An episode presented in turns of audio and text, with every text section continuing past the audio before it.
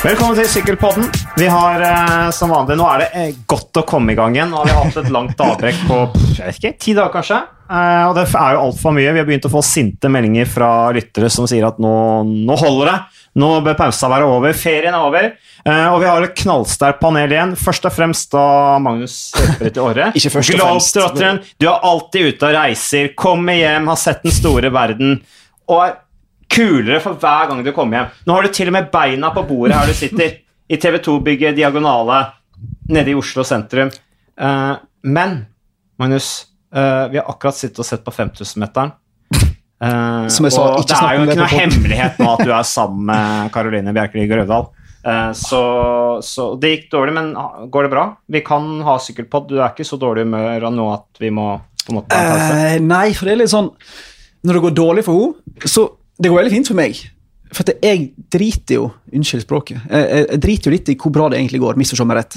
Det eneste som jeg er interessert i, det sier jo alle foreldre også, som intervjuer på stadion, sier jo egentlig at det er samme for oss hvordan det går, så lenge hun syns det går bra. Skjønner du hva jeg mener? Så hvis hun springer bra, syns jeg det er bra. Springer hun dårlig, så det gjør ikke meg noe, men jeg skjønner jo at hun blir lei seg. Så det bryr meg. Så nå, nå ryker ut nå, eller br- brøyt 5000, så er det litt sånn Da føler jeg med henne, men det er ikke viktig for meg at hun presterer. hvis du Skjønner hva jeg mener. Skjønner du hva jeg vil? Eller hørtes veldig rart ut. Nei, jeg syns det er flott å endelig kunne sitte og snakke åpent om privatlivet ditt. uh, og det er jo helt klart at der må vi gjenta. Vi må snakke mer om kjærligheten din uh, til da Karoline, og vice versa. Så det blir en egen episode i seg selv. Men videre til eh, panelet. Eh, Andreas Leknessund, veldig gøy at du kunne komme. Du er jo definitivt eksperten blant oss her. Ja, det må vi si. Nei, jeg skal være forsiktig med å si det. I Med armen i fatle. Ja, det har jeg. Hvor lenge skal du ha den Hva, Fortell litt om skaden du pådro deg, og hvordan det skjedde. Ja, um, jeg velta på sykkel, da, eh, selvfølgelig. Um, jeg var eh, ute i eh, Ringkollen uh, på, på Hønefoss, og så uh, mellom to uh, drag på opp bakken, så var det et hull jeg ikke var helt oppmerksom på, så jeg er bare sånn ja, uoppmerksom, og så glapp jeg på styret, og så landa jeg med albuen først, da, og så går det går det mye krefter opp i skuldra, sånn at leddbåndene ryker der. da. Så, um, så da, det heter en sånn um, AC-leddsluksasjon grad 5, da, er uttrykket. Um, Høres proft ut. ja, det høres veldig proft ut. Så nå kan du mye om AC Hva har du kalt det igjen? AC-ledd. Det står- AC-ledd. Et eller annet klavikular, et eller annet sånn det er forkortelse for. Men um, nei da, jeg har nå skjønt litt hva det dreier seg om inni skuldra her, og så opererte jeg for snart seks uker siden, så om en tre dager så kan jeg slutte å gå med fatle, da. Ja. Men når du sitter og ser på sykkel-VM nå, sitter du da på en måte bare og, og hater at du ikke er der? Eller klarer du på en måte å ta distanse til og tenke at det er gøy å se på sykkel, selv om jeg ikke er der selv? Det er selvfølgelig gøy å se på sykkel, men ja, jeg tenker litt det. Jeg prøver selvfølgelig å ikke gjøre det, men uh, det er umulig å se på et U23-VM og ikke tenke hvor ville jeg vært uh, i det feltet. Um, men jeg sitter ikke og føler at jeg går glipp av store resultater, det gjør jeg ikke. Men uh, det ser jo sinnssykt kult ut, så jeg føler jo jeg går glipp av store opplevelser. Ja, altså. Særlig når det norske U23-landslaget sykla sånn som de gjorde i VM i Yorkshire. For jeg må jo ærlig talt innrømme at jeg ble mildt sagt lettere begeistra over det jeg så underveis der. Full kontroll, to mann etter første store bruddet, ikke sant. Uh, og med Idar Andersen og Tobias Foss i finalen der. Dessverre, det var uflaks, da. Med Idar Andersen som punkterte da før denne siste runden. Kjempeuflaks, men du verden hvilken laginnsats fra det norske landslaget. Ja, det er klart, eh, For folk som ser det der første gang, blir de overraska, men jeg vet jo litt hvordan det laget der er. og eh, er ikke, mm, Jeg er ikke sjokkert over at de kjører så bra, for de er veldig sterke. Og vi har jo kjørt bra i hele år, mener jeg. Og eh, du fikk jo også sett i Lavenira at laget er suverent, så eh, um, de klarer seg fint uten meg, selv om jeg skulle ønske jeg var der. Torjus Len og ikke minst, som har jo kjørt kjempebra i høst. Og du, du, mista jo, jo på en måte veldig mye morsomt med den velten din, med Lavenir, med, med, med VM osv. Men nå har jo du signert proffkontrakten din da, med Sunweb fra 2021 ut 2023. Eh, Du skal være da i UnoX Development Team en sesong, altså neste sesong, være med på det at de oppgraderer til Pro Continental. Eh, og du har jo veldig mye gøy å se fram til, Andreas. Ja, ja, altså det kommer mye kult neste sesong og for så vidt sesongen etter det, så eh, Jeg må jo selvfølgelig skjønne at uh, ja, det som har skjedd i år, det har skjedd. Uh, gå glipp av eh, noen kule opplevelser, men uh, jeg har jo trua på at det kommer uh, vel så kule opplevelser til neste år. Så um, jeg har akseptert at det har skjedd, eh, selv om det er vanskelig å bli helt sånn eh, kul på det. Ja, hvor, hvor skuffa er du når du får en sånn velt og, du, og en sånn skade, og du skjønner at nå ryker høstsesongen? Hvor skuffa blir du?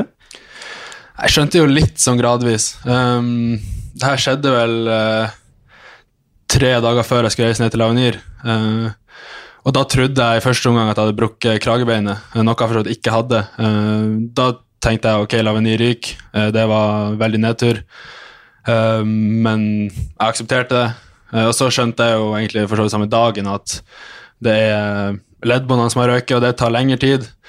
Men jeg visste ikke graden, så kommet litt sånn gradvis. Det der eh, Det tok vel to uker før jeg forsto at hele sesongen er over. Eh, og eh, det var en nedtur, men jeg, har også, føler jeg, takla det bra og akseptert det ganske fort. og eh, Sånn i hverdagen nå så har jeg ikke noe problem med det, Uh, men uh, de gangene jeg kjenner mest på det, er når jeg ser eh, U23-guttene sykle på TV, for det ser så vanvittig kult ut, sånn Lavenir når de sitter med laget i front. og Skulle ønske jeg kunne vært der og bidratt, eh, både Lavenir og VM og de andre rittene som er, fordi eh, de kjører så sinnssykt bra, og det hadde vært gøy å få delta på.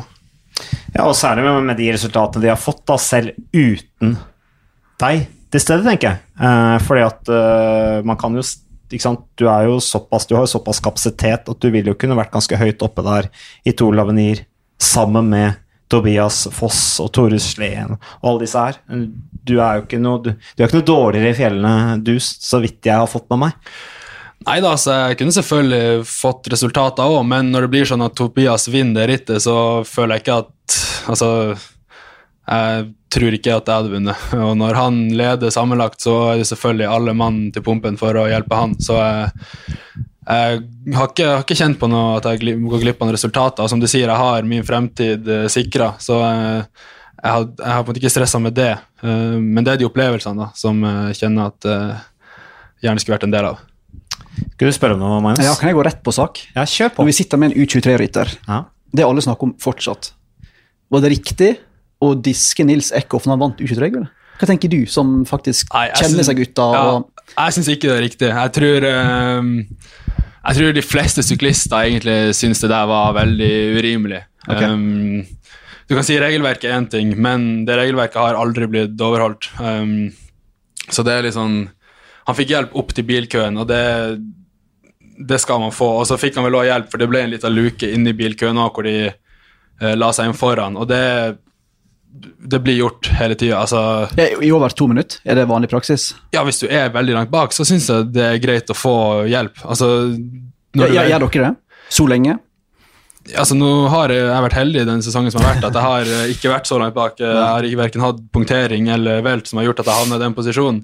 Men uh, det kan godt være at vi har gjort det. Eh, og det føler jeg alle ryttere og eh, ja, alle i, bilkøen også aksepterer at sånn er det. Jeg synes når du velter, som i seg sjøl er veldig synd og en stor ulempe, for du slår deg og du havner bakpå og du havner litt på defensiven, at du da i tillegg kan få hjelp opp til bilkøen, det gjør jo at du i hvert fall kan være med i løpet, og det føler jeg er akseptert blant alle ryttere. Så jeg tror på oss ryttere sin vegne så tror jeg de fleste syns at det der var eh, litt eh, ja, dårlig. Men, men, ikke, ikke, men Nils Eikhoff han fikk jo skulderen ut av ledd også. ja, men jeg tenker, det er jo ikke så Ja, men altså, man må, det, er noe med å, det er noe med å se på en måte helheten her. Altså Han velta ganske stygt, slo skulderen ut av ledd. Tar litt tid å få gutten opp på sykkelen igjen. Eh, det er klart at det er noe med å, å å, se hele bildet her, og en annen ting som er, er viktig. Altså, det er noe alle aksepterer, og, og det er sånn jeg kjenner fra, fra min tid i sykkelfeltet òg. Og jeg hørte intervju med den nederlandske landslagssjefen for U23, og han sa for å være helt ærlig, jeg kan ikke reglene, sa han. Altså, og det kan du jo selvfølgelig, ja, men det burde du som sjef vite. Du må, burde Det ikke- ingen regler Men jeg tror- Det jeg, jeg, ikke tror ikke, regler. jeg tror ikke er klar over hvilke regler Jeg tror ikke de er klar over at det er maks to minutter en gang bak, bak uh, bil. Jeg, det, jeg tror på alle er innforstått med at regelen er sånn, eller den regelen som gjelder, er den at du kan bli pest opp til feltet eh, etter et velt og etter et uhell. Men uh, og uansett om du må ligge der i to eller tre minutter. kan jeg spørre, er det en regel som sier to minutter? Nei, overhodet ikke. Nei. Det er ingen regel. Men jeg er veldig uenig med dere. Og jeg tenker at, at han har uhell og blir skada, det er, det er synd for han, men det er nå en del av sporten. Jo, jo, det kan jo si Altså Hvis, hvis Jakob men- Ingebrigtsen detter på sitt 5000 meter-forsøk, eller 5000-finalen, skal han da bare få, få hjelp til å komme seg opp inn til feltet fordi han var uheldig? Jeg ikke, må ikke holde på sykkelen for å vinne et sykkelritt? Vi så er jo måte, bilkø og, altså, og reservesykler Mm. på taket bak, og liksom, den servicen du kan få underveis med flaske fra bil, er jo en del av sporten. Så jeg føler kanskje at den bilkøen bak det er jo en del av rittet, det òg, i form av at du får flaske. du, Taktikken For oss må vi slippe oss bak til bilen, snakke med bilen. Vi får nye hjul hvis vi punkterer. Så de er jo der for å hjelpe oss på samme måte som en rytter i, lagrytter i feltet, tenker jeg da. Eh, Du kan se litt sånn på det. Jo, men det er andre velten, Alberto Danese eksempel, som skal sykle for sønnen Web neste år, han som er en stor favoritt, han han kommer seg ikke opp igjen til feltet. Han ble ikke pesa opp. Nei, Så det, så det er litt sånn, Jeg skjønner ikke hvorfor folk godtar dette. her, og Jeg tenker at, jeg snakka med en del folk i jeg tenker ikke jeg men UCI-folk når de var der nede. Og de sa at eh, når han kom inn, han gutten, Eckhoff, inn i dommerbussen, i VAR-bussen, for å se på videoen sa han var, Da sa han var selvfølgelig veldig lei seg, men han hadde ikke noen protest. Han skjønte det. Sjefen òg. Det- Det var ikke sånn at jeg sa du, dette her er helt feil. Jeg sa bare at de var lei seg, men det var ingen store protester. Jeg tror jeg skjønte at det var for drøyt. da. Og så Ja, jeg- og så hadde de allerede, jeg hadde allerede gjennomført premieseremonien med Thomas Pidcock osv., som fikk, endelig som fikk Jo, men- medalje da foran men det var ikke en rasende gjeng som sto der og var uenig med UCI, altså. Nei, men de var jo ganske Altså, eh, Eckhoff var jo helt slått ut av sorg. Ja, det er jo klart. Det Eh, er og klart. sykla jo gråtende av gårde, ikke sant. Og de, de var jo voldsomt sinne rundt det. Og jeg så jo, Sønnet hyllet jo nettopp Eckhoff som the true champion eh, nå, nå nylig, ikke sant. De hadde en sånn samling. Mm. Og en annen ting, altså hvis plutselig kommissærene og Internasjonale Sykkelforbundet skal være veldig harde på håndteringen av pesing, noe de veit kommer i en sånn type løype med den asfalten og punkteringer og et VM og hva det måtte være, så, så i hvert fall gå ut på, på, for, på, på forhånd da, av mesterskapet og si Hør her, folkens. Vi, de, I dette mesterskapet kommer vi til å være knallharde med dette med pesing opp til feltet. Helt enig. To minutter, maks.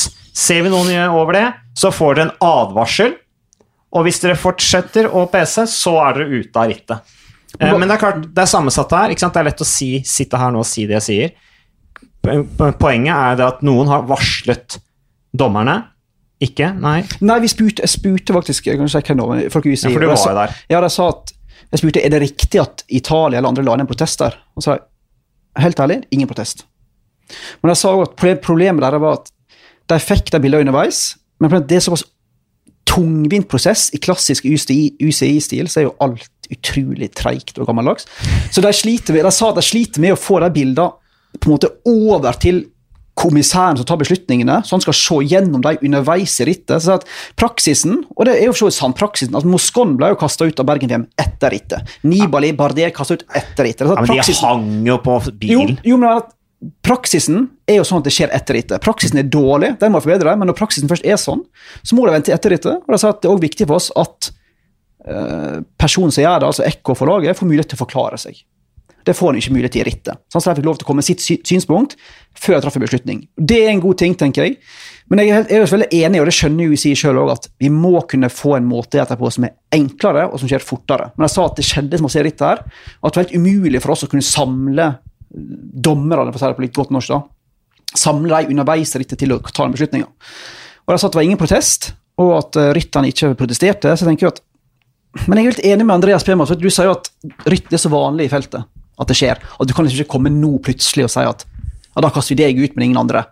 Men så ser jeg sånn som han um, Larry Warbass, som er en amerikansk syklist som sykler på AG2R. Jeg har veldig sansen for han, han er en veldig trivelig fyr. Framstår veldig sånn sympatisk. Han skrev et innlegg her som mange har diskutert i Rolør, heter det. Et sånt sykkelblad. Som jeg selvfølgelig er helt ute på viddene. Um, jeg er veldig sans han, men det syns jeg var helt kivom. Han, han sier jo da at Ble du skuffa? jeg ble skuffa over inte, Du ble ikke sint, du ble bare veldig skuffa. Jeg ble veldig, veldig, veldig lei meg. Nei, for Han sier jo da at, at som deg, at det er veldig vanlig, men sier at da bør vi ha en regelendring som sier at hvis du har mekanisk trøbbel, eller du krasjer, så skal du få lov til å pese opp til feltet. Altså, i alle dager, må, Det må være en del av gamet for å vinne sykkelritt at du klarer å holde på sykkelen. Uhell er jo en del av all mulig sport. At han krasjer, så skal han, han mener introdusere en regel om at da skal alle få lov til å kunne bli pest opp til karavanen. Ja, da Ja, og- gir og så- og hadde- det- men Nå blir det veldig mye diskusjon der, Andreas. Det, det, og det Jo, det tror jeg Da, Men, men nå tar vi, nå tar vi et, et annet argument her, som da er litt imot det vi sier, Andreas. Liksom at vi, sånn er det, sånn skal det være, sånn skal det forbli. Det er jo som Jonathan Waters også sa. Utfordringen med å tillate den regelen som Warbass sa, lage en regel på det, er at da kan plutselig folk fake et mekanisk uhell. Og F.eks. hvis de blir kjørt fra i sidevinden. Ja. Ikke sant?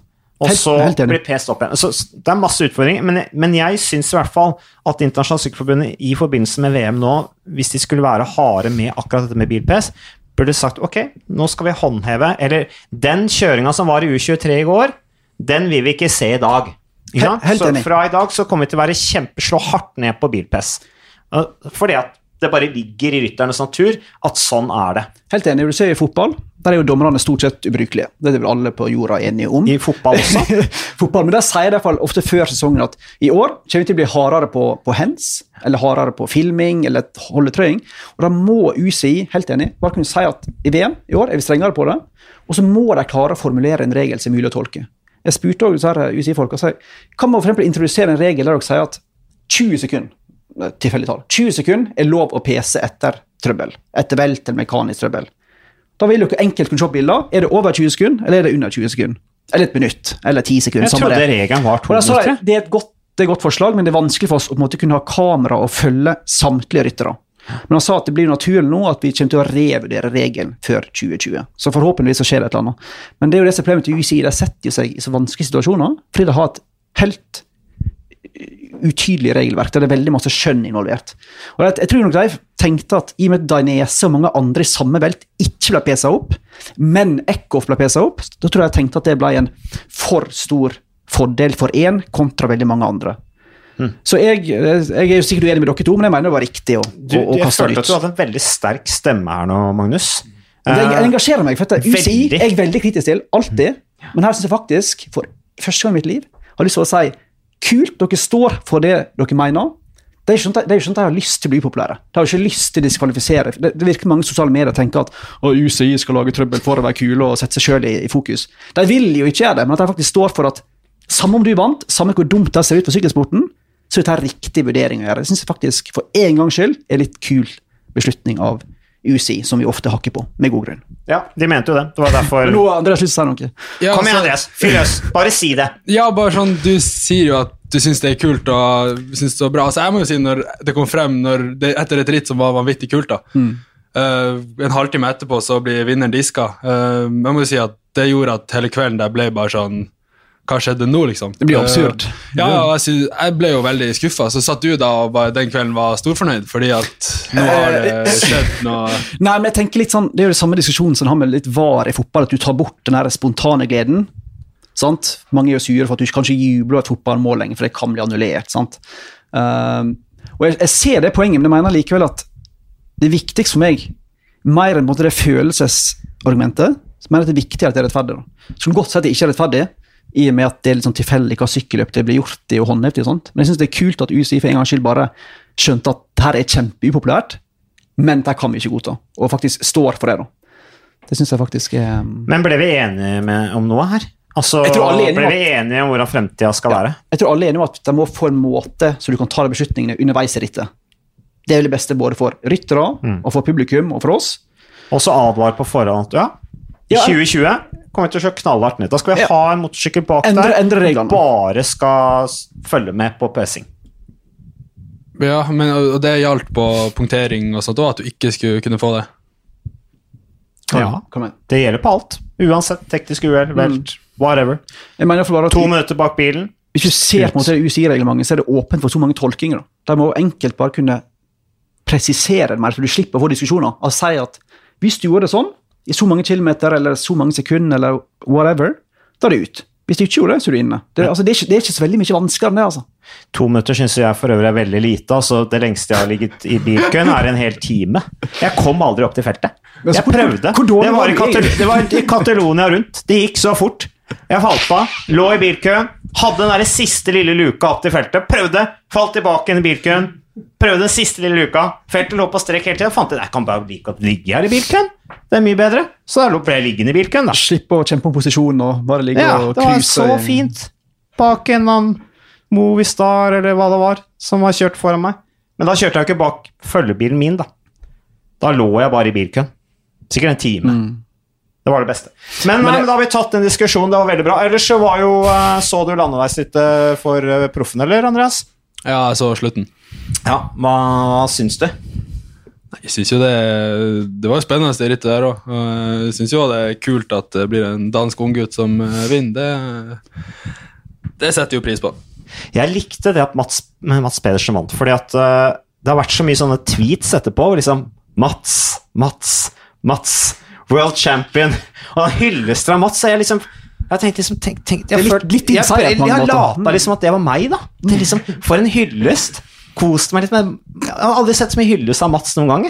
Den perfekte vinneren. Det er jo litt kult at andre enn Sagan, Valverde, Ala Filip van der Poel vinner. da. Det er jo gøy. Det er jo største overraskelsen siden Oscar Freier i 99, kanskje? Noe sånt. Ja. Han har knapt vunnet et proffritt, Mads Pedersen. Han vant riktignok Grand Prix i Sperg rett før VM og var i kanonform. Men uh, Alle de tre gutta på pallen vant faktisk ritt mm. de siste to ukene før mesterskapet. Så Og vi- var i form. ja, vi liker jo at danskene vinner. Det er jo gøy. Uh, men det ble liksom merkelig sykkelritt på mange måter, i og med at forholdet var som de var, og, og at Valverde sto tidlig, og Gilbert krasja ut, og mange favoritter forsvant jo veldig tidlig. Da. Ehm, så det er litt Van de Poel gikk på en kjempesmell. det var veld, veldig spesielt. Ja, han gikk tom. Han sa at han, han gikk tom plutselig og ble svimmel og så uklart, og så følte han seg bra igjen fem minutter etterpå. Ja, han fikk det er i seg noe sukker, da, eller et som, eller annet. som plutselig som har skjedd der. Men um, jeg syns Norge kjørte bra. Ja. Det vil jeg si. Kristoffer er alltid til å stole på. Det er ganske ekstremt. Han er alltid, samme hva forholdet er, så er han alltid til å stole på når det gjelder som mest, faktisk. De jeg. siste fem årene har han ikke bare topp ti-plasseringer i VM. Det er ganske ekstremt. Ja, da er du jevn, altså. Ja. Ser du fram til å sykle elite-VM, Andreas? ja Hopper du over U23-klassen og bare går rett på uh, proff, eller? Nei, Nå sykla jeg U23 i fjor, så altså. jeg har jo vært innom der. eh, Men ja, det blir Ja, men jeg tenker på når du liksom blir sånn proff. Ja, det har ikke jeg tatt stilling til ennå. Det blir vel mye debatt rundt eh, et eventuelt valg, valg, valg der, da. Hva syns du om disse unggutta som eh, bare Nå har du han derre Simmons som vant junior-VM, som går rett opp i World Tour, signert for Trek Seg- Segafredo.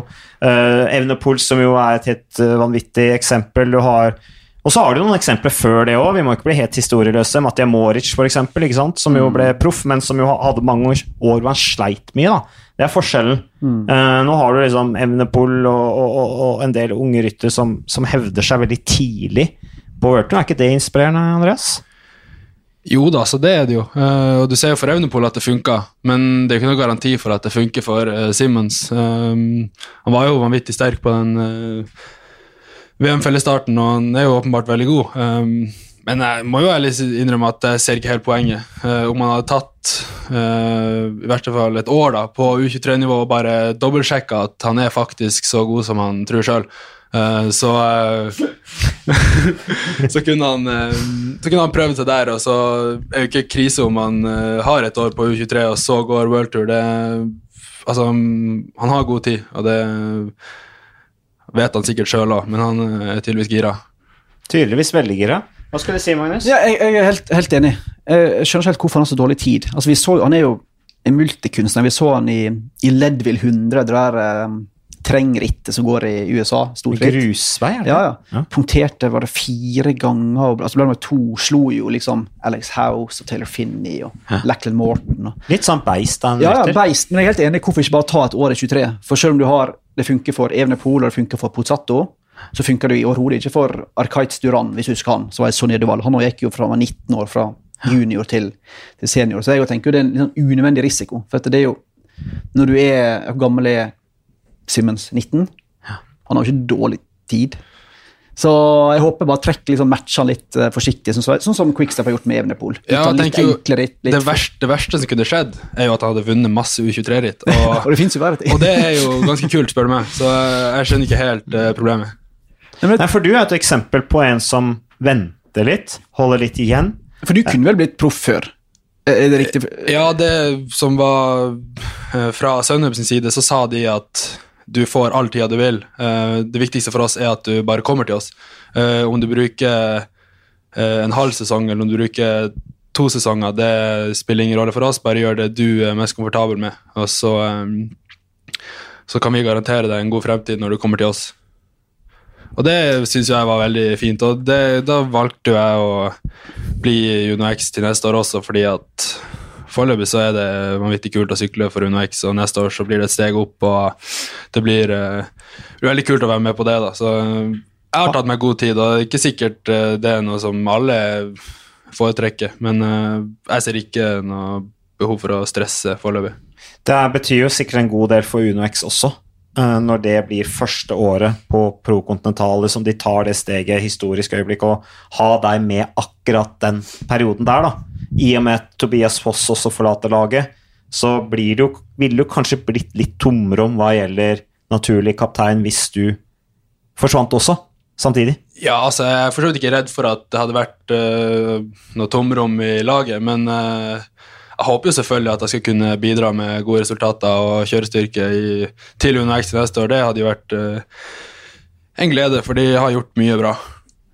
Hva Har du noe, noe peiling på programmet sånn for neste år? Har dere begynt å snakke om det, eller er det for tidlig?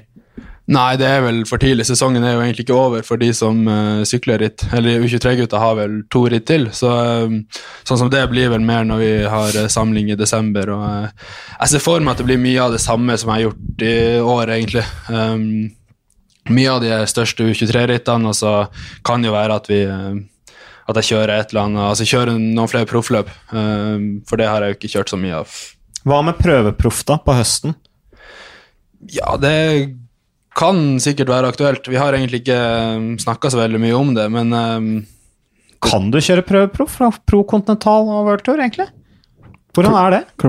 Ja, altså, når du allerede kjører Når du kjører Pro Continental, kan du da kjøre prøveproff i et World Tour-lag? Det er ikke jeg sikker på, faktisk. Nei, nå spør du faktisk godt. Det, ja. ikke, har ikke jeg sjekka opp, så nei, det tyder jo på at jeg ikke har eh, tenkt så mye på det. Men uh, det, jeg tror hvis, uh, hvis det liksom er et veldig naturlig steg å gjøre, så tror jeg nok det er også mulig at skjer, ja. Ja, det blir i hvert fall du har, Det er som du sier, framtida ser lys ut. Sitter du og dveler med noe? Jeg ser ja, litt på ansiktsuttrykket. Jeg fikk en melding i går. Jeg lovde jeg skulle ta det opp på sykkelpodden. For det var en som sendte melding og spurte. Så vi må bare ta to sekunder tilbake til han her eh, Nils Ekko for disken. Ja, for Thomas, som heter Brekkis90 på Instagram, spurte I og med at du er litt sånn konspirasjonsteoretiker. Det kjenner meg ikke igjen i. Nei, meg. Jeg kjente meg igjen i det, men ok. ja, Det er det Thomas skriver? Det er det Thomas skriver. Ja. Så sa han spør han om vi kunne diskutere hadde UCI diska Eckhoff hvis det ikke hadde gitt Storbritannia en medalje. Poenget er at Thomas Pidcock gikk da fra fjerde til tredjeplass, som gjorde at Storbritannia fikk medalje i det mesterskapet. Og så Der tror jeg du har mer konspirasjonsteori enn meg. Jeg tror ikke det har noe med saken å gjøre. Men hva tenker dere? Har det noe med saken å gjøre? At Storbritannia plutselig fikk en medalje? Du skal få svare først, Andres. Hva tenker du om dette her? Jeg tenker at det ville, det ville blitt for dumt styrer? om du har, et, du har, dommere som sannsynligvis er ganske fornuftige folk, selv om man kan sikkert mene noe annet. Eh, jeg vil jo tro at de skjønner at de kan ikke ta et valg på vegne av det. Det ville vært, uh, ville vært for urimelig. og det, de, er redd, de, er nok redd, for å bli tatt på sånne ting som det der. Så uh, jeg tror nok ikke de hadde tort å la det være et argument. Nei, jeg er helt, jeg er helt enig. Jeg tror ikke, Thomas, jeg tror ikke noe på det. Legg de konspirasjonsteoriene fra deg. Men takk for innspillet. Men uh, det er gøy at du spekulerer i det. Det liker vi. Vi liker det. Ta, takhøyden er stor. Det er lov å, å, å stille spørsmål. Uh, ellers var det bare 46 rytter som fullførte uh, landeveisrittet for, for elite på søndag. Uh, sist gang så få ryttere fullførte, det var faktisk i 1995. Da kun 20 ryttere kom til mål. Så det ble en uh, veldig tøff affære, og vi er enige om at de norske sykla bra. Kristoff ble nummer sju. Hva med dette her? Uh, hva tenker dere om det? Vi bare får bli ferdig med herre elite.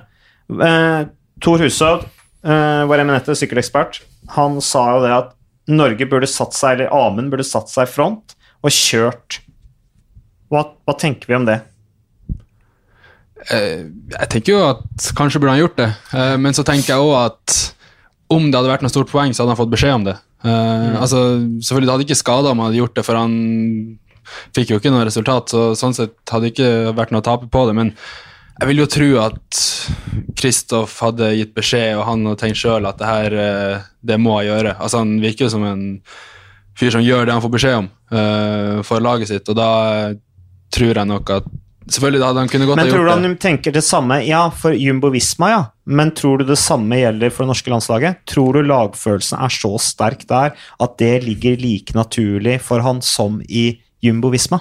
Ja, det hørtes jo sånn ut uh, i forkant, og Uh, hvis ikke jeg tar helt feil, så kom han vel sist i gruppa fordi han bare trilla over mål, så han var jo åpenbart ikke ute etter noe resultat for sin egen del og sparte seg av den grunn, så uh, derfor uh, tror jeg nok at det Ja, han kunne gjort det, men jeg tror ikke det ville hatt stor betydning. Men Det er jo interessant du tok det opp, for jeg intervjua Stig Kristiansen etter målgang. Men det var såpass lenge etter at jeg tror ikke jeg kom på sending, så jeg kan prøve å gjengi det han sa. For Jeg spurte om, om han var fornøyd først, Stig Kristiansen, altså landslagssjefen her. Han sa at ja, stort sett. Det er irriterende når det er så nærme, men likevel såpass langt unna. Men stort sett fornøyd, for vi gjorde egentlig Det var ingenting vi kunne gjort annerledes. Så sa jeg jeg er flott enig, men kunne en gjort annerledes med å sette Amund fram i gruppe to veldig tidlig, når Poel og Trentin gikk. Og så sa han der er du veldig nærme sannheten. Det er det jeg må tenke litt på, men så lenge gutta ikke har noe mer å kjøre med. Så for oss ser, ja, bare skubb han fram der. Men hvis du ikke rett og slett har beina til å sitte der framme og holde tempoet oppe, hvis du har mer enn nok med, å holde- med å måtte holde følge i feltet, så er det jo ikke vits. Og Kristoffer vel det, jeg så de prata akkurat når jeg passerte mållinja, sa vel og Kristoffer etterpå at det var ikke vits, for jeg hadde ingenting å kjøre med. Så, det sånn, så jeg tror egentlig Nei, jeg, tror, jeg er helt enig med Ja. Det tror jeg du har et godt poeng. Og jeg tror at hvis, hvis Alex hadde følt at han kunne vinne, Da hadde han sagt så det hadde til han han. sagt Ja, han, Amund, sett deg i front, kjør som pokker. Dette tror jeg kan vinne, og vinner jeg, så skal du få en halv million kroner av meg. Ikke sant? Det, det, det hadde jeg sagt, da. Hadde jeg hatt vinnerbeina. Uh, så ja. Du hadde risikert vekk en halv million. Hvor mye penger har du egentlig? det er det verdt i bonus når du vinner en VM-tittel for elite og du heter Alexander Kristoff, altså. Etter min mening. Det er store penger, altså, det gamet der. Jeg spurte jo alle gutta det var vel på fredagen, to dager før fellesstarten. Prøvde jeg å spørre alle sammen er det noen som har tilbudt noe penger. Er det noen avtaler på gang. Alle bare tørt. Ingen kommentar. Så jeg, jeg vet ikke, men jeg fikk inntrykk av at det var noe som var på gang der. Men sånn er det vel ofte på Sånn skal det vel kanskje være på seniorgutta før VM-fellesstarten, tenker jeg. Da har du vært på jobb da når du går rundt og er detektiv. Ja, ja vi må jo spørre. Husker, husker jo når, liksom, når, når Cavendish vant i København i 2011. Han går biler til alle sammen. Og så fikk vel, Det ironiske der er at Bradley Wiggins fikk vel en blir det sagt i hvert fall, fikk vel en Lambretta. Og det, Jeg har ikke peiling på bil, men det er jo en fancy bil. Stephen Cummings fikk en Renault. tror jeg. Nei, er det sant? Det er det som blir sagt, i hvert fall. Jeg skal ikke gå god for det, Ja, det det var vel i forhold til inntekten, da. Sånn, den Eller bare, relative at, eller bare forhold til nivå Nei, jeg vet da søren, Ja. men det er jo litt spesielt. Men det er jo mange sånne Folk er jo glad i sykkelsport når de gir klokke òg. Samuel Sanchez ga vel klokke til alle gutta etter Beijing-OL i 2008, tror jeg. Og Valverde er veldig glad i å gi klokke. Og. Men uh, det å gi én en Lambretta og én en Renault, ja, det, det Ja, jeg skal ikke Frandenbrook husker jeg kjøpte noen Porscher og noe greier også til Det høres ut som Frank van den Ja, så så det, er, det er derfor jeg sa at ok, liksom Amund vinner jeg, kjører du innbruddet og jeg vinner, så skal du få en halvmil. Det hadde ikke vært noe sånn oppsiktsvekkende, det, i, i sykkelmiljøet. Ja, og det å ta det ut ifra den inntekta deres ville jo kanskje blitt feil. Jeg vil jo kanskje tenke, I hvert fall da at den med lavest inntekt skal få den fineste bilen. For jeg Der ser har du kommunisten. Ja, det riktig. Kevin bra. har Altså. vel sannsynligvis en ganske fin bil i utgangspunktet. Så når du vinner VM, Andreas, da veit vi hvordan fordelinga blir internt i laget. Ja, ja. Så det da, Det blir moro. Men uh, ellers opptur og nedtur i VM. Har vi vært gjennom uh, Vi har vært gjennom U23-rittet, det er vi enige om. Det var en opptur. Vi har diskutert dette med Eckhoff. Vi har snakket om uh, elite herrer. Uh, utover det, hva sitter igjen med av, av eh, inntrykk? Um, eh, vi kan jo ta f.eks. Uh, junior dame, Silje Mathisen, som ble nummer ni. Eh, fem sekunder bak bare Megan Jastrap fra USA. Jeg, jeg kommenterte jo det rittet sammen med Christian. Eh, det var ganske dramatiske greier, for det var mye velt, altså. Det var helt sjukt. Ja. Jeg datt jo som, som flue. Uh, Intervjuet med Jastrab etter målgang. Hun var kul, hun. Hun sa at hun skal vinne OL-gull i Tokyo neste år. Hun sykler på bane. Og spurte jeg, hva slags ambisjoner har du sånn fem år fram i tid. Så var det I want it all. Så, så hun skulle konkurrere på flere disipliner og virke som et ekstremt talent. da. Men jeg syns jo det var, kul, var bra av Mathisen med det var niendeplass, du sa? Tiende? Niende, tiendeplass. Nien, ja. Det var bra. Så mye som hun har vært Ja, igjennom. og så syns jeg også det kult største jeg tar med meg fra VM, er vel egentlig at selv om Norge ikke fikk medalje, så hadde du ja, du hadde Foss som nummer, nummer seks, og Steen nummer ti, du hadde Kristoff som nummer sju, du hadde Mathisen altså, Det var mange gode plasseringer. da. Ganske jevnt godt nivå egentlig over hele fjøla, selv om vi ikke fikk disse toppene. da. Men det kan du nesten ikke forvente i et altså, Sykkel er jo ekstremt uforutsigbart, så det er på en måte ikke sånn at du bare kan Altså, Det er ikke sånn at alltid den beste vinner, f.eks. Så det at du hadde ganske mange i forskjellige kategorier topp ti, syns jeg var bra. Selv om jeg syns damene senior var veldig skuffende. Ja, det var Og det tror jeg jeg veit sjøl òg. Etter en såpass positiv sesong så var det litt sånn kjipt punktum. Selv om det var litt sånn teknisk trøbbel med borgerlig og, og diverse, så var det ikke eh, bra nok. Og tempo, damenes tempo ble òg en skuffelse. Mm. Men der var forholdene litt sånn i, i spill, da. Vita Heine sa at hun bremsa litt for masse og ble litt satt ut av, uh, av De virka litt Men, satt eh, ut allerede bra. før start, syns jeg. Jeg fikk Ja, litt sant. inntrykk av det på intervjuene. At det var litt sånn, liksom, allerede før start så var man på en måte litt slått. Det var litt det inntrykket jeg satt igjen med når jeg hørte intervjuet med Karl Erik Pedersen annet, eh, på at liksom eh, Ja, vi har snakka om det, og det går bra, men du fikk liksom på inntrykk at, på stemmen hans at dette var noe de tydeligvis hadde bekymra seg mye for. Da. Eh, og det, da tenker jeg da, da har man allerede en, en utfordring. Men uh, ellers over til damene. Vi snakka om uh, Jastrap, som helt sikkert kommer til å bli vanvittig god hvis alt går som det skal for henne. Chloé Dygert på dette temporittet, 1.32 foran Anna van de Breggen, var jo definitivt en skrell. Jeg, jeg har nesten aldri sett noe sånt. Har du, Andreas? Mm, Nei, men eh, hun, hun vant jo ganske mye løp i forkant her. Så, Jo, altså, hun er jo et supertalent. Ja, Det det var tvil jo, jeg syns jo det var litt kult. Men det var bare tempo Jeg lurer på om det var Lisa Brennauer hun passerte underveis der. Jeg tror det gikk en ble en sånn gif, Ja, eller hva det heter. Vine. Nei, Vine er ute. Gif-in. Altså, det ble, hun bare passerte henne helt sånn Lisa Brennauer er ingen dårlig syklist, altså. Hun jeg klatrer. Ja, ja, hun kan uh, mange verdensmesterskapsgull på lagtempo. nei, nå, nå blander jeg henne med Klein, forresten. Jo, men hun er god allrounder, god på det Mm. meste. da. Hun passerte i et sånt tempo som var en helt annen verden. ass. Så det var, Og vi så jo på søndag, nei lørdag, van Fløyten var jo ikke i dårlig form. Nei? Eller Fanne Breggen. Så det, så det hun fikk til med tempoen, det var den sjukeste dametempoen jeg noen gang har sett. Men det var jo den sjukeste fellesstarten også, da. Jo, med ikke måten Annemiek van Fløyten kjørte solo. Hvor lenge var det? 100 km? 104 km før mål. Men du blir nesten vant til det med henne. Hun og Fanne Breggen kan gjøre noe sånne stunt, og så føler jeg jo at det er så taktisk svakt kjørt av nesten alle andre som kaster det bort. Lizzie Dinian, som er på hjemmebane, har lyst til å imponere. Overivrig, støt Ja, litt etter, la, la, la, lager rot i forfølgergruppa. Da burde jo bare, de bare tidligere skjønt at van Fløyten har, det har vi sett før. Van Fløyten går på noen sjuke sololøp. Bare slapp litt av, la seg hente av feltet. Da vil det være et helt samla felt mot én rytter i 100 km.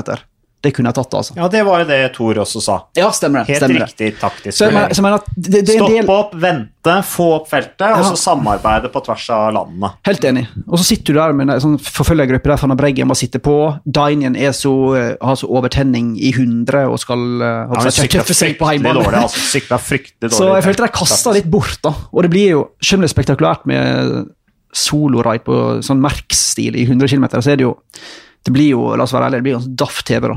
Uh, så sier det, det, det, det, ja. sier også noe, unnskyld, at, at det, er, det er ganske stort sprik i nivået på internasjonal damesykling. Uh, og det er, for Vi har diskutert dette med løypene til damene. ikke sant? Uh, dette her at Jentene må jo sykle samme løypene som gutta. Men nå hadde vi Innsbruck i fjor, og den, den overlegne prestasjonen til, til van Fløyten i år i VM, så tenker jeg at mm, det er kanskje ikke så dumt at jentene sykler på litt i litt lettere løyper, hvor det er, blir noe jevnere. Det er min tanke, da. Hva tenker du, Andreas? Dette er kanskje et tema som du ikke har grubla så mye over. Du blir kasta litt ut i det her nå. Ja, nei, jeg skal prøve å svare. Um, det er jo et godt poeng. Um, det er jo uh, Selvfølgelig skjønner jeg at jeg har lyst til å sykle harde løyper, fordi at uh, det er mange som syns harde løyper Det er jo mye kulere uh, som rytter å kjenne litt på det der. Det er jo gjerne det vi liker med idretten, men det er som du sier, at det er jo synd når det blir sånn at uh, nederlender kommer alene til mål hver gang. Um, så um, Nei, det er nok et godt poeng, men så kan du jo velge å lytte til rytterne hvis hvis alle i feltet ville ha harde løyper, så må man gi dem det, da. Ja, også med, sant, dette med likestilling og dette med nå nå skal på en måte løfte opp damesyklene, de skal ha samme vilkår som, som gutter. men, men de beste jentene sier jo sjøl at vi vil ikke kopiere herresykling. Vi vil ikke være noen kopi av av herresykling. Vi må på en måte gjøre ting på vår måte. Men det er, er TV-dekninga, uten at vi skal ta den svære diskusjonen der, men det er TV-dekninga som er det store problemet, og den gjør da at det blir mindre interesse fra sponsorer. Færre jenter som kan satse heltid. De få jentene som virkelig kan satse, som har ressurser, de blir mye bedre, ikke sant. Ja, og TV-dekninga blir dårligere når nivået er såpass gjennomsnittlig som det er nå. Jeg husker før um, Bergen-VM. Da hadde herrene hadde tempo opp til Fløyen. Så blant annet van, van Fløyten og jeg tror det var Ashley Moodman Pasi og veldig mange var tydelige på at nei, vi må ha samme løype som gutta. Jeg tror det er veldig bra de ikke fikk den samme løypa, for det blir så store forskjeller. og jeg tror du, Det som du sier, Mats, er helt enig. Jeg tror du eksponerer publikum for hvor lite dybde det er i toppen. da. Det er noen som er veldig mye bedre enn resten. Og det er Jeg er, si, jeg er helt enig med deg. Jeg tror ikke det er riktig å sende deg gjennom samme løypene. Det er for lavt nivå. Og så tenker jeg òg en del av damerytterne har vært på en del damerytter opp gjennom tida, i VM og La Course og sånt. Altså, sorry, Mac, men hvis dere har lyst på TV-dekning, det er fint, det fortjener dere. Det er gøy å se på, så det skal dere ha. Men da må flere av rytterne, snakker jeg om de utenlandske, ikke norske, må være litt mer villige til å stille opp for media. Altså, det er en del rytterne der, av topprytterne, uten å nevne navn, som er nesten ikke mulig å få dem tale før et ritt. Da tenker jeg, da har du skjønt masse av konseptet. altså. Hvis du vil ha medier der, så må du nesten snakke med mediene når de først stiller opp. tenker jeg. Det gjelder både La det gjelder VM, det gjelder andre vi har vært på. Tenker jeg, ja, om, Om det er Amstel Gold eller Ladies Tour, de utenlandsrytterne må da skjønne at hvis dere er så sure for medier skjer der, så må dere få stille opp når vi er der. Og det er ikke masse, vi, jo, vi snakker jo om tre spørsmål før start. Ja, Du snakka jo med Anne Mikk van Fløyten før start nå. Ja, og det var første gang, tror jeg, hun har stilt opp. Ja. Hun pleier å være en av de som er verst på det. Er så, sikkert så fokusert og alt sånt, men jeg mener at hvis du vil ha med det der, så må du nesten kunne stille opp for deg, tenker jeg da. Det er altfor mange som har en sånn en stil der de bare går rett forbi, og da står vi igjen der uten en funksjon. Ja, Så det er, det er, opp, det er oppfordring til alle utenlandske ryttere som ikke hører på dette her, om å, om å cheer up og faktisk stille opp. Du kan ikke få i pose og sekk, altså. Det kommer du til å merke nå, vet du, Andreas, etter hvert som du er proff, det der med forholdet til media. Og det, det, hadde jeg jo, det hadde jeg jo med Carl Fredrik Hagen på den forrige podkasten vi hadde. Så, så snakket han om på en måte samarbeidet mellom media og rytterutøverne. Han brukte akkurat de ordene, men da snakket han det som liksom de er avhengig av hverandre. uh, og at vi jobber sammen. Det, det var sånn jeg oppfatta han, da. Eh, men det er klart at Andreas, ikke sant, når du begynner å vinne sykkelløp, og du får presset på deg, og du blir sliten og sånne ting, og du kommer inn i miljøet der Jeg husker jo litt hvordan han var når jeg var proff også, og når vi satt inne i bussen der og så ut på mediefolkene og altså det blir jo litt sånn blanda Det er jo en del ryttere som ikke liker media, særlig noe med sosiale medier og sånne ting, som også får såpass mye oppmerksomhet, så kan det på en måte være ditt eget mediebyrå. Hva, hva slags forhold har du til, til media? Hva tenker du om det? Jeg syns nå jeg har et godt forhold til media. Jeg synes jo egentlig altså, jeg Det har de jo. Ja, ja, jeg Ja. tenker nå at uh, det å stille opp på intervju og stille opp på sykkelpodkast bare er hyggelig. Um, så er mulig jeg er bare PR-kåt, men uh, det er fortsatt uh, Jeg føler jo det Som Nei, du vil bidra, Andreas. Det er Ja, sånn jeg jo. tror du tenker, at du vil er jo- være med å bidra. det er jo det jeg tenker. Altså, sånn, for meg å kunne fortelle om et ritt, det gjør jo mer interessant for de som følger med. og det er jo gjerne meninger vi har som vi gjerne vil ut med, og eh, da er jo media perfekt. Så eh, jeg syns det er rart at du ikke skal ha lyst til å stille opp av flere grunner. da, Både for å si din mening og for å stille litt opp for den sporten du konkurrerer i. Men er det, opplever du i U23-felt og på landslag at folk, at rytterne generelt, syns media er, greie å prate med, og det, det er ikke stress å gi et lite intervju før og etter? Eller er det en del som må tenke at dette tar så masse av energien min at jeg vil helst unngå det? Nei, det, nå skal jeg være forsiktig med å snakke for flere enn meg sjøl, men jeg syns i hvert fall at det å gjøre et intervju før start, eh, gjerne med sånne hyggelige TV 2-folk, gjerne bare er litt sånn Ja, det er litt artig, og det er på en måte en avkobling. Eh, og så er det en mulighet for å ja, få ut litt tanker du gjerne sitter inne med. Så jeg er ikke sånn der at det koster meg å gjøre et uh, intervju, men så har du selvfølgelig av og til du merker at uh, de spørsmålene du får, prøver å få deg til å si noe dumt. Da blir det litt sånn der Da må jeg jobbe litt, og da hender det at jeg også måtte stenge meg sjøl litt, fordi at jeg føler hvis du som journalist er ute etter å skape en brannfakkel og få oss uh, utøvere til å si noe som, vi, som de kan lage store overskrifter av, da, da, da svarer jeg litt med å kanskje bare heller ja, så, si litt mindre og bare sørge for at det her skal du ikke kunne bruke til noe som helst. I hvert fall ikke imot meg. Hva er, det, hva er det verste spørsmålet du får, da? Hva er det du tenker sånn åh, igjen? Nei, Det var husker, akkurat det han fikk nå. nei, jeg husker for eksempel Jeg husker ikke hvem det var, men for eksempel rundt Evenepool, eh, VM i fjor, eh, følte jeg det ble litt sånn der ehm, For han presterte jo på på et nivå som ingen hadde sett før. Og da kommer selvfølgelig spørsmålet er det her uh, mulig. Er det for godt til å være sant? Eh, og da husker jeg vi fikk spørsmål som var sånn der um, Hvor du på en måte prøvde å uh, få oss til å si at det her er ikke det her er for godt til å være sant. Eh, og det, det mente vi jo heller ikke, så vi lot være å si det. Men overskrifta kom vel eh, Det kom vel en overskrift eh, som sa at eh, nordmenn stusser på eh, Ja, eh, at vi stussa på det han gjorde. Men det som ble sagt, var at vi bare stussa på Eller skulle likt å vite hva han trener, da. Uh, fordi at det, liksom, at det var det vi ikke helt forsto. Var ikke det deg, Magnus? Det er fullt mulig. Altså, Vi lagde jo stoff på Evenepolet, er sikkert, sikkert meg. Nei da, det var ikke Men det tank, ja, jo, det måtte hende, faktisk. Å? Ja, at vi lagde, for jeg husker det var, liksom, det var masse mistanker. Folk i kulissen prata om alle mulige rykter. sant, og det er, jo, det er jo ikke mulig å vite hva som er sant og ikke. Men det var mange teorier da, sant, om at her var jo eh, for godt til å være sant. Så godt til at jeg lagde den saken. Så det er utrolig awkward, da. Men her eh, det får vi Men bare for å bli ferdig med VM. eh, Mikkel Berg vant for tredje år på rad. Skal sykle, Han blir kollega, da, proffkollega eh, med deg neste år. Da, dog på et annet lag, UAE. Mikkel Berg, dansken, altså vant tredje U23-VM tempo på rad. Og der syns jeg vi skal snakke litt om Iver Knotten. Bare raskt, det syns jeg var forferdelig uflaks eh, med Iver Knotten. Altså øh, sannsynligvis, ikke, sannsynligvis ville han ikke vunnet. Han kunne nok han var nok innafor å kunne ta medalje, i hvert fall en topp fem-plassering. Og det er klart det ville betydd mye for Iver Knotten, for vi vet vel PT ikke, fremdeles ikke hvordan han skal Hvilke lag han skal sykle for neste sesong, og disse tingene her. Så det der må jeg si, der har jeg medfølelse for, for Iver Knotten, altså. For han sykla fantastisk i det VM-et. Han var sterk. Han er jo veldig sterk, og det blir jo veldig sånn her eh, Leder på første mellomtid. Du er, du er jo, man blir jo veldig eh, Altså, jeg blir i hvert fall veldig gira, og alle er jo det. Og så blir det jo sånn veldig antiklimaks når det bare blir sånn. Så du skulle gjerne likt å vite hvordan det hadde gått, og det er jo selvfølgelig han sjøl som føler det der i aller eh, størst grad. Så det, nei, det er synd, både for eh, ikke minst for han og for egentlig alle som fulgte med, og som bryr seg om norsk sykkel. Skal vi si at det var VMs største nedtur, eller? Ja, det kan vi si med norske øyne. Ja. Jeg syns mesterskapet kunne vært arrangert bedre, men det er en annen diskusjon.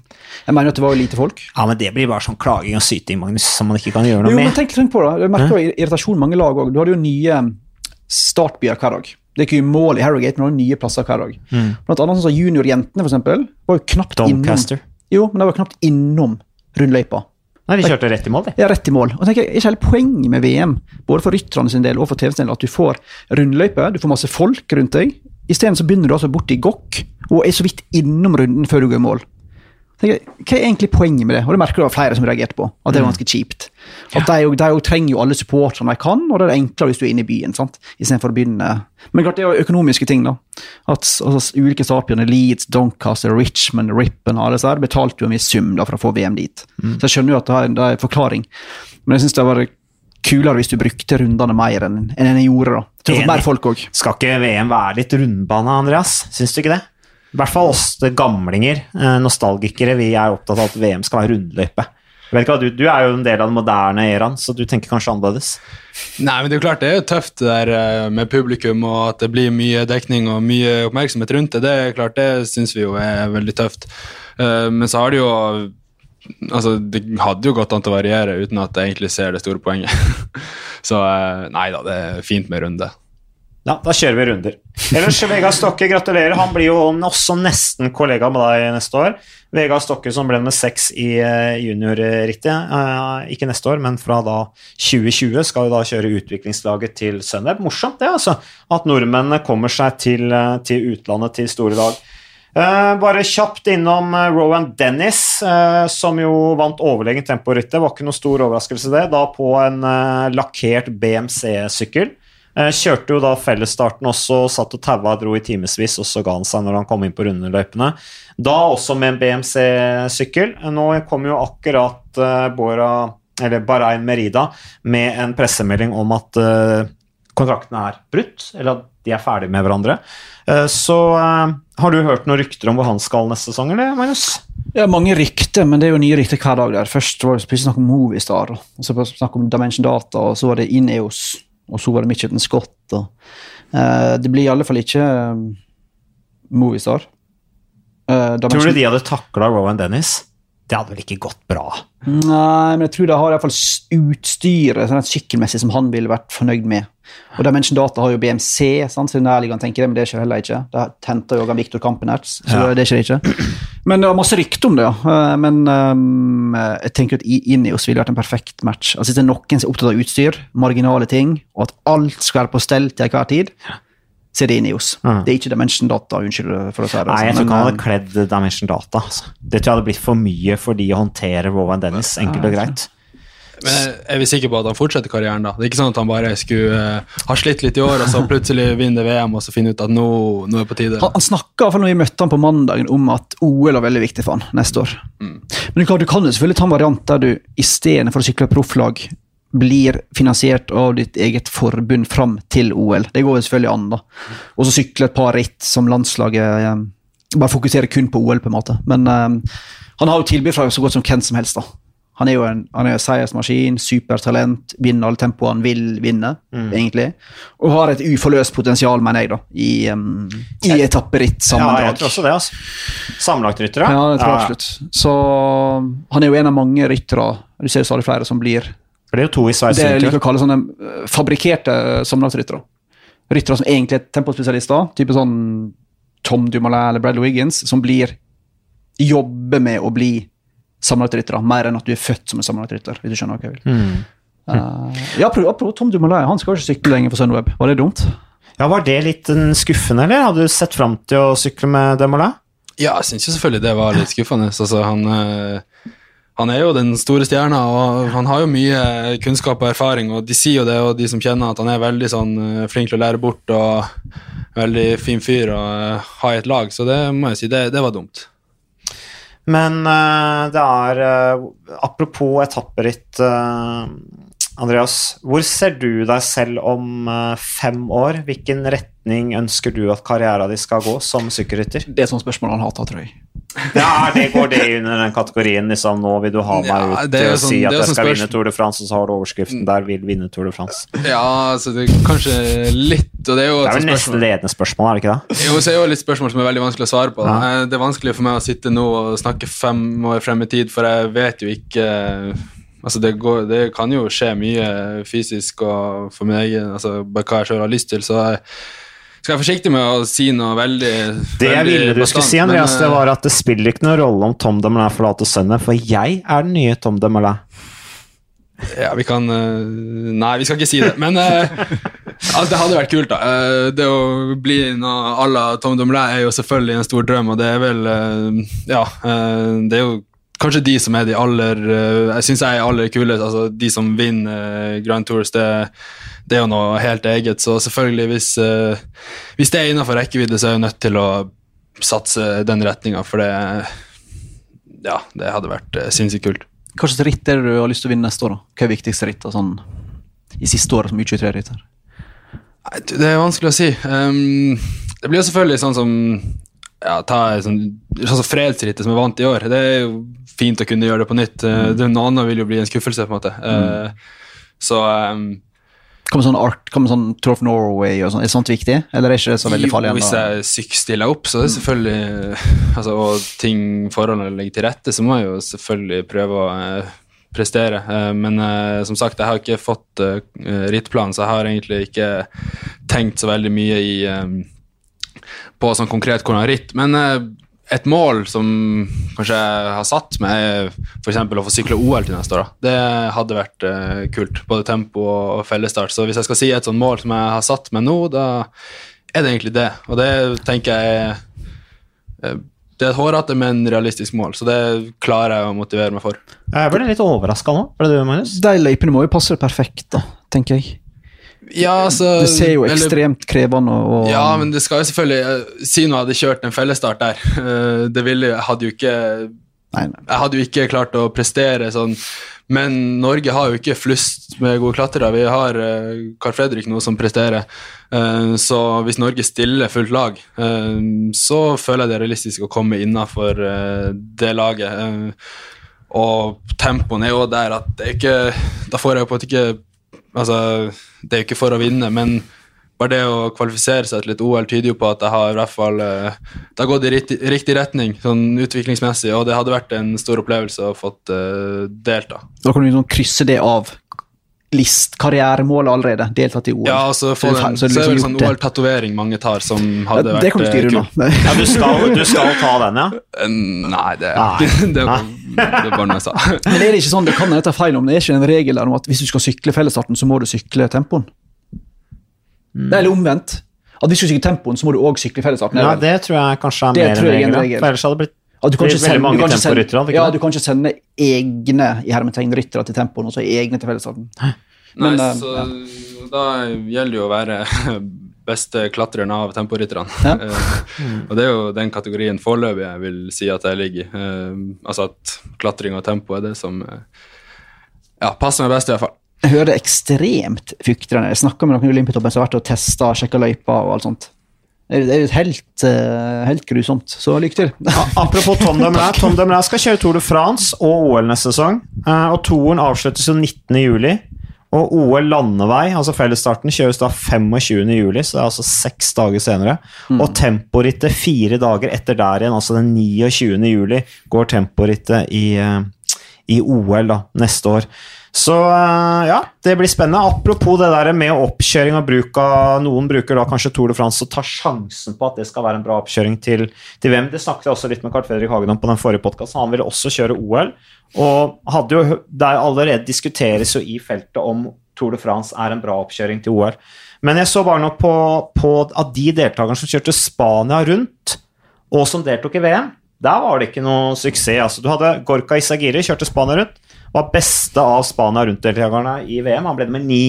Og så har du Jakob Fuglsang, som ble med tolv, og Stybar, som ble med 13. Det var altså de beste uh, Spania rundt-deltakerne i VM. Så kanskje er ikke Spania rundt riktig oppkjøring til eh, VM lenger. Men tenk jo Se på, se på godeste Altså Roglic. Jo, men tenk, Han tenker var sjansen, veldig sliten. sjansen mot Roglic og Hvem som var på pallen der? Valverde og Pogacar og den gjengen der skulle Miguel Angel Lopez skulle lykkes i VM på denne ruta her, var jo minimal, da. Ja. Hadde det vært Innsbruck-løypa i år, så tipper jeg det var litt annerledes. Men jeg er enig, Roglic så veldig ferdig ut. Både på um, tempo, var ikke i nærheten av det nivået han, Nei, han viste. burde reist til Mexico med kona og tatt ferie. Han. Ja. Og Valverde er jo alltid Det Den eneste svakheten han har, er vel å sykle i regn. Det er vel eneste svakheten den fyren har. Sånn. Så han sto jo av altfor tidlig. Men Isagir var bra. Det skal de ha. De klarte å switche om der. Is- Jon Isagir ble med tolv òg. Så Isagir-brødrene de kan du stole på. Sånn, Var det ikke Jakob? Var Folsang som ble nummer tolv? Jeg ble Samme 12 det. 13. Det var oppi der i hvert fall. Men uh, så uh, over til noe helt annet. Emilie Moberg og Elise Marie Olsen. Uh, Moberg er blitt 28. eh, Elise Marie Olsen er 18. Begge er Halden CK. Har da altså signert for Storbritannias eneste UCI-lag for kvinner, Drops. Cycling het jo Trekk Drops før. Nå skal det bli sponsa av Cannondale. Det er veldig fine drakter, så jeg synes det er veldig Ja, godt valg. helt Det er veldig stilfullt lag, faktisk. Nå ser du nikka her borte, Andreas. Ja, de har jo knallfine Ja, drakter. har du? Så eh, vi er glad for eh, Emilie sine vegne at hun har fått et eh, bra lag. Det er altså da hun, hun har altså Hun får sitt ellevte år som proff. og Elise debuterer jo da i senior da på et utenlandsk profflag, Storbritannias eneste UCI-ritt. Moberg, som altså har åtte år i hightech og to år i danske Virtu. har jo ti UCI-seire, Moberg, har hatt et tungt år med mye skader. Så det blir spennende. Det er litt artig da med Lise Marie Olsen, som altså er oppvokst i samme gate som Moberg i Halden. Og Emilie da blir jo en mentor når da hun tar steget opp i, i senior. Uh, Andreas, når du, når du skal begynne å kjøre i, i Sunweb, uh, hvordan tenker du at liksom hvem, hvem er det som skal følge deg opp da tettest når du kommer dit? Har, har du noe Har du, har du snakka om det nå allerede, eller? Altså tenker du som, som hatt en trener, eller eh, ja, Trener tror jeg blir igjen av laget. Og Sunweb er vel de har, de har jo både trenere og noe de kaller for bare sånn coach i laget, som da er mer på den mentale og oppfølging sånn i det daglige. Uh, og så har du trener som har den daglige treninga. Uh, så det nok en ganske tett oppfølging fra laget. De har mange forskjellige, så det blir, jeg tror det skal bli bra med oppfølging fra deres side. Har de begynt å følge opp allerede, sånn at du deler treningsfiler med de allerede? Ja, de, de ligger inne i treningsdagboka mi, så de kan se, men eh, nå vet jeg ikke nøyaktig hvor mye de er inne og ser. Men vi snakka altså, blir rett før eh, velten min at jeg snakka om at vi skulle prøve å få skrudd treninga mi litt mer over på deres uh, filosofi, da. Uh, vet ikke nøyaktig hvor store forskjeller det er, men uh, prøve å få en sånn gradvis overgang. Uh, men nå har jo selvfølgelig den skuldra mi satt uh, en liten brems på det, men jeg skal dit nå i løpet av en måneds tid eller to, uh, hvor vi skal få tatt en ordentlig prat om sånn som de tingene her, da. Og hva innebærer det i justering av trening? Altså, hvor, hva, hvilk, hva slags forskjell innebærer det sånn rent treningsmessig? Det, det vet jeg egentlig ikke, uh, men jeg, jeg tror ikke det blir de store forskjellene. Eh, det kan være at jeg tar helt feil, men eh, litt sånn type ryttere de produserer, så tenker jeg at de har litt i hvert fall samme målsetningen med treninga som det jeg har. Ja, skal du si noe, Magnus? Ja, kan jeg, når jeg først har deg her, kan jeg stille et litt sånn åpent og litt sånn diffust spørsmål? Ja. For Vi snakker jo ofte om i, i, i dag med sosiale medier og med, eh, og med interessen i sport at forventningene og presset på unge utøvere blir veldig stort. Og det er mange som ikke liker det, mange takler ikke det. Så du som er på en måte en av en av de bedre U23-rytterne i verden, og folk har snakket om det lenge, og folk venter store ting. Føler du på et press? Mm, Nei, altså Det her har jeg jo tenkt litt på sjøl. Um, Fordi altså, jeg kjenner jo etter om jeg kjenner det presset. Ja. Uh, og det må jeg egentlig si at jeg har klart å ikke gjøre. Um, men eh, selvfølgelig, du har jo Altså NM begge årene nå som senior har det jo kommet de her overskriftene i TV 2 om at uh, det er Norges største talent noensinne. et eller annet, og det Ja, vi har hausa deg. Ja, Altså, har jeg tror jeg- jeg tror jeg du, er, du er et stort talent, Andreas. Jo da, altså, det kan, altså Jeg skal ikke altså, jeg Og i tillegg, det, du kan jo klatre og kjøre tempo. Jo, jo, jeg syns det er å ta i, men uansett, da. Eh, Det var Stig Kristiansen som sa det, så vi får skylde på han. ja, men, saken. Men, men eh, det er vel, så har vel begge Kaggestad sagt det et par ganger. Så, Ja, jeg har sagt det ganske mye, at du er et stort talent. Ja, ja, og det, men det å få det stempelet, på en måte, eh, så, kan, så kan man jo diskutere om det stemmer eller ikke, men jeg prøver på en måte å Istedenfor å se på det som et press, eh, så er det det å se på det som en mulighet. Altså, for Ja, ta, la meg si at jeg er Norges største talent noensinne. Eh, så må jeg da velge å bruke det riktig, for du har jo mange gode norske ryttere som har prestert. Så det å, hvis jeg kan måte tolke det som at jeg har uh, alle forutsetningene for å bli bedre enn de, uh, så er jo det her en vanvittig god mulighet som det bare er nødt til å ta vare på. Um, så sånn sett har jeg klart å heller bruke det som en motivasjon og alle de der, eh, den hypen og alle de gode ordene som blir sagt av folk som også har peiling på, um, på sykling, så er ikke det mer enn et stort kompliment og også en mulighet som jeg kan velge å bruke til å nå så langt som jeg bare vil. Det er en morsom ting Altså, du er fra Tromsø. Eh, August Jensen er fra Bodø. Eh, det er jo litt morsomt med nå ryttere fra Nord-Norge som plutselig blir kjempegode. Eh, og, og hva er det som på en måte hva, hva, Hvordan har på en måte sykkelsporten Nå er Nord-Norge svært, da, men fra, fra Tromsø og oppover og ikke sant, i det hele tatt, hva, hva, hva er det som har gjort, tror du, på en måte stimulert sykkelinteressen oppe i nord? Er, det- Eh. har Arctic Race hatt mye å si? Ja, det har det jo hatt. Um, men ja, Arctic Race har ikke vært der så veldig lenge. Uh, men jeg merker jo at det er veldig Det er jo alltid sånn hvis jeg sier til noen i Nord-Norge at jeg sykler, så får jeg alltid spørsmål Sykler du Arctic Race, eller uh, Det er jo på en måte det spørsmålet jeg får. Uh, så det har betydd mye. Men um, altså, sykkelmiljøet i Tromsø da jeg var ung, eller da jeg bodde der, uh, var egentlig ganske bra. Uh, det eneste Altså, vi var på trening, så var jo mellom fem og ti på min alder, um, og jeg hadde folk å trene med utenom også. Uh, men det som kanskje mangla, var litt det der uh, motivasjonen til å faktisk satse ordentlig. Uh, og det var ikke så Kulturen for å liksom tenke at sykkel er faktisk noe jeg kan drive med, var ikke, den var ikke der. Eh, så jeg ble jo alene i det jeg valgte å reise sørover eh, for å sykle ritt og sånt. Eh, så, Ja, for du pakka sekken og skulle bli god til å sykle. ja, eh, nå sykla jeg ikke veldig mange ritt sørafor før jeg begynte på NTG, men vi har jo faktisk I løpet av fem år så hadde vi fire stykker fra Tromsø sykkelklubb i VM. eh, I junior-VM, da. Eh, og vi har vel tre norgesmestere i løpet av en periode på fem år. Så det har vært forbilder i Tromsø òg. så det var jo det, og de, eh, alle de før meg dro til NTG Kongsvinger. Eh, og jeg skulle jo egentlig begynne der. Så det er tilfeldigheter som har gjort at jeg havna i Bærum, og noe jeg for øvrig er veldig fornøyd med. Eh, men jeg var i hvert fall ivrig og brukte de eh, som hadde reist sørover før meg, som motivasjon å se at det her er faktisk mulig å lykkes. Og eh, jeg tror sånn sett i ettertid at det å være fra nord um, bare har vært positivt. Uh, har liksom, jeg var ikke noen barnestjerne rett og slett fordi jeg ikke var flink på sykkelen. Altså, taktisk og teknisk fikk du jo ikke den matchinga som du får når altså, På ritt så var vi jo så få at vi lå jo på en rekke, og det var liksom så mer ut som en langtur. Eh, men det var jo veldig positivt sånn nå, eh, for jeg fikk fysisk god trening, og så fikk, var jeg ikke noen sånn stor stjerne i ung alder, og så har jeg også kjent litt på det å trene alene i kulde, og du får eh, Du blir jo litt mer hardbarka uten at jeg skal skryte på meg å være Ja, altså, Dere harding. nordlendingene er litt tøffere enn alle andre. Eh, litt. Ja, ja, ja, ja, veldig bra. Veldig bra.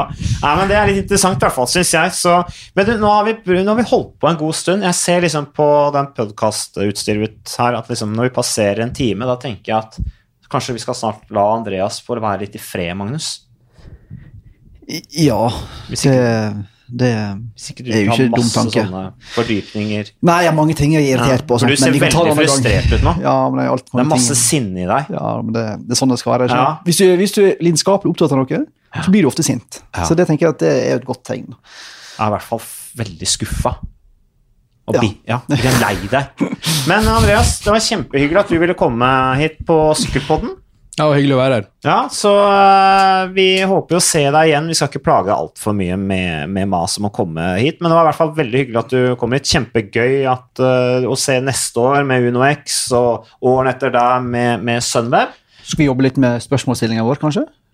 Ja, det kan vi. Vi skal prøve å stille gode spørsmål, men det finnes jo ikke dumme spørsmål, bare dumme svar. Så Nok en meningsløs klisjé. sier vi takk for nå, og så er vi snart tilbake.